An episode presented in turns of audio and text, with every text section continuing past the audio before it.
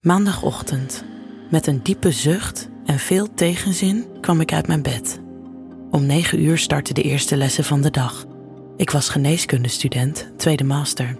Hoewel de lessen steeds praktischer werden, bleef het aantal theoretische lessen groot.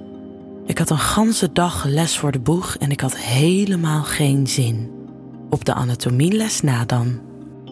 Ik moet toegeven dat ik niet ongevoelig was voor het uiterlijk van onze professor anatomie. Ik schatte hem ongeveer 40 jaar oud. Hij was groot en mooi gebruind door de zon. Zijn donkere haar en stoppelbaard begonnen lichtjes grijs te kleuren en hij was verbazend goed gespierd. Maar vooral niet onbelangrijk, hij was getrouwd. De dag erna begon op zich best goed. Als eerste stond een les anatomie van Mr. Hardy op het programma. Ik liep de aula in en ging ergens halverwege de zaal zitten. Dit was ongetwijfeld de beste plek. Van hieruit kon ik hem ongehinderd bekijken zonder dat hij veel op mij lette. Want dat was het punt toch? Ik wou helemaal niet dat hij wist hoe lekker ik hem vond. Soms fantaseerde ik over hem en beelde ik me in hoe het zou zijn om zijn stijve pik in mijn hand te houden en hem te laten smeken om meer. Hoe het zou voelen als ik de macht over hem had. Maar geen haar op mijn hoofd dat eraan dacht om deze fantasie ook werkelijkheid te laten worden. Hij was professor. Ik was een van de meer dan 300 van zijn studenten. Hij zou me nooit zien staan. De lessen waren afgelopen en ik liep verstrooid door de gangen van de faculteit. Waar ik juist zat met mijn gedachten weet ik niet meer, maar toen ik opkeek stond hij plots voor mijn neus. Zo, waar zit jij met je gedachten? vroeg hij met een speelse grijns om zijn gezicht. Ik durf hem nauwelijks aan te kijken en ik voel mijn wangen rood worden. Jij zat deze ochtend toch in mijn les, geloof ik? Hij keek me onderzoekend aan. Ik denk niet dat er iemand anders in de zaal zoveel aandacht had voor mijn lessen. Hoewel ik het gevoel kreeg dat je eerder mijn anatomie aan het bestuderen was dan mijn presentatie. Als ik zo waar nog roder kon worden, dan gebeurde dat absoluut op dit moment. Ik wist niet wat ik tegen hem moest zeggen en kon enkel naar de vloer staren. De gang was verder leeg en we waren alleen. Hij kwam iets dichter naar me toe. Ik voelde hoe zijn blik op mij rustte terwijl ik mijn ogen strak op de grond gericht hield. Voorzichtig nam hij mijn hand vast en draaide mijn handpalm naar boven.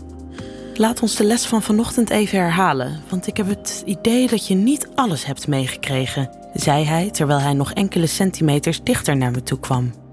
Mijn hand lag in zijn handpalm en met de wijsvinger van zijn andere hand zocht hij mijn pols op. Ik voelde hoe mijn hartslag de hoogte inschoot. Mijn blik volgde zijn vinger. Langzaam liep hij met zijn vinger over mijn pols en over mijn onderarm.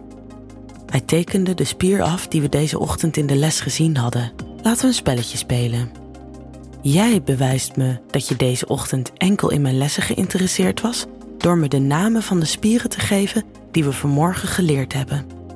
Als je dat niet lukt, was je enkel in mijn anatomie geïnteresseerd en mag ik een stukje van die van jou bestuderen. Ik keek op. Hij stond nu zo dichtbij dat ik de zwoele geur van zijn aftershave rook. Hij keek me aan met zijn donkere ogen en ik beantwoordde zijn blik. Ik voelde hoe mijn onderbuik tot leven kwam. Ik kon mijn blik niet van hem losmaken.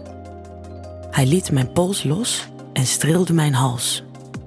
Voor de eerste maal zette ook ik een stapje naar voren, zodat ik slechts op enkele centimeters van zijn gespierde lichaam afstond. Ik weet niet wat me bezielde, maar ik sloot mijn ogen en kuste hem. Hij beantwoordde mijn kus gretig. Zijn hand gleed over mijn rug en duwde me dichter tegen hem aan. Ik voelde zijn gespierde borst door zijn hemd en voelde de bult in zijn broek door mijn jurkje heen tegen me aandrukken. Zonder zijn mond van de mijne los te maken, opende hij een deur. We stonden vlak voor zijn bureau. Hij begeleidde me naar binnen, sloot de deur en duwde me ruw met mijn rug tegen de binnenzijde van de deur. Ik werd nog geiler en legde mijn hand op zijn stijve penis. Hij kreunde. Dit was alles wat ik nodig had. Ik trok zijn hemd open en bewonderde zijn goed gevormde borstspieren en sixpack. Daarna ging mijn hand naar zijn gulp. Met een grimas gaf hij aan dat het hoog tijd werd om zijn stijve pik van zijn strakke broek te verlossen. Ik ritste zijn broek open en wreef met mijn hand over zijn harde eikel. Hij draaide me brusk om en duwde mijn polsen tegen de deur. Hij hield me met één hand vast terwijl hij met de andere onder mijn jurkje doorging en mijn natte klit begon te masseren. Ik was bloedgeil en hoorde mezelf hijgen. Ondertussen wreef hij zijn stijve pik tegen mijn billen aan. Dit hielden we geen van beiden lang vol. Hij trok mijn slipje naar beneden en trok mijn kont naar zich toe. Hij legde zijn hand over mijn mond terwijl hij met een vlotte beweging diep in mij stootte. Mijn kreun werd gesmoord door zijn hand. Tergend langzaam begon hij te stoten. Met zijn andere hand maakte hij cirkelbewegingen over mijn gezwollen klitje. Ik was nog nooit zo nat geweest en voelde hoe het warme vocht langs mijn dijen naar omlaag liep. Hij kuste mijn hals. Mijn ademhaling werd oppervlakkiger en ik begon luider te kreunen. Nog even en ik zou klaarkomen. Plots trok hij zich uit me terug en duwde me op mijn rug op zijn bureau. Hij tilde mijn dijen op, zodat hij mooi zicht had op mijn natte opening en duwde met een grijns zijn stijve pik opnieuw naar binnen. God, wat voelde hij heerlijk. Hij keek me diep in mijn ogen terwijl hij steeds dieper stootte. Ik voelde zijn eikel tegen mijn cervix duwen. Diep van binnen begon zich een spanning op te bouwen die ik nog nooit eerder ervaren had. Een honger naar meer.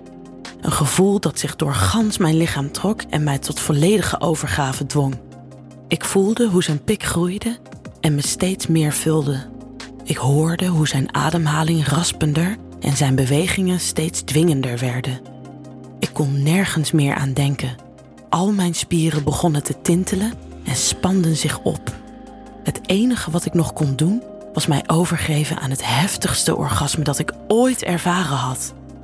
Ik gilde het uit. Mijn vocht spoot langs zijn stotende pik naar buiten. Hij duwde me met al zijn kracht tegen hem aan en kwam al schokkend diep in mij klaar. Uitgeput liet hij zich op mij zakken.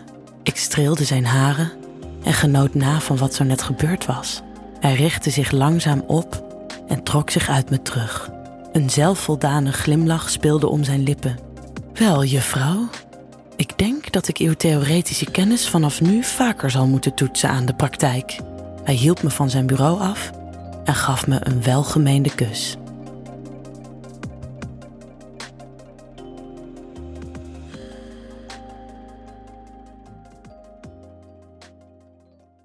Wil jij nou meer spannende verhalen? Luister dan naar Charlie's Avonturen, een podcast van Easy Toys.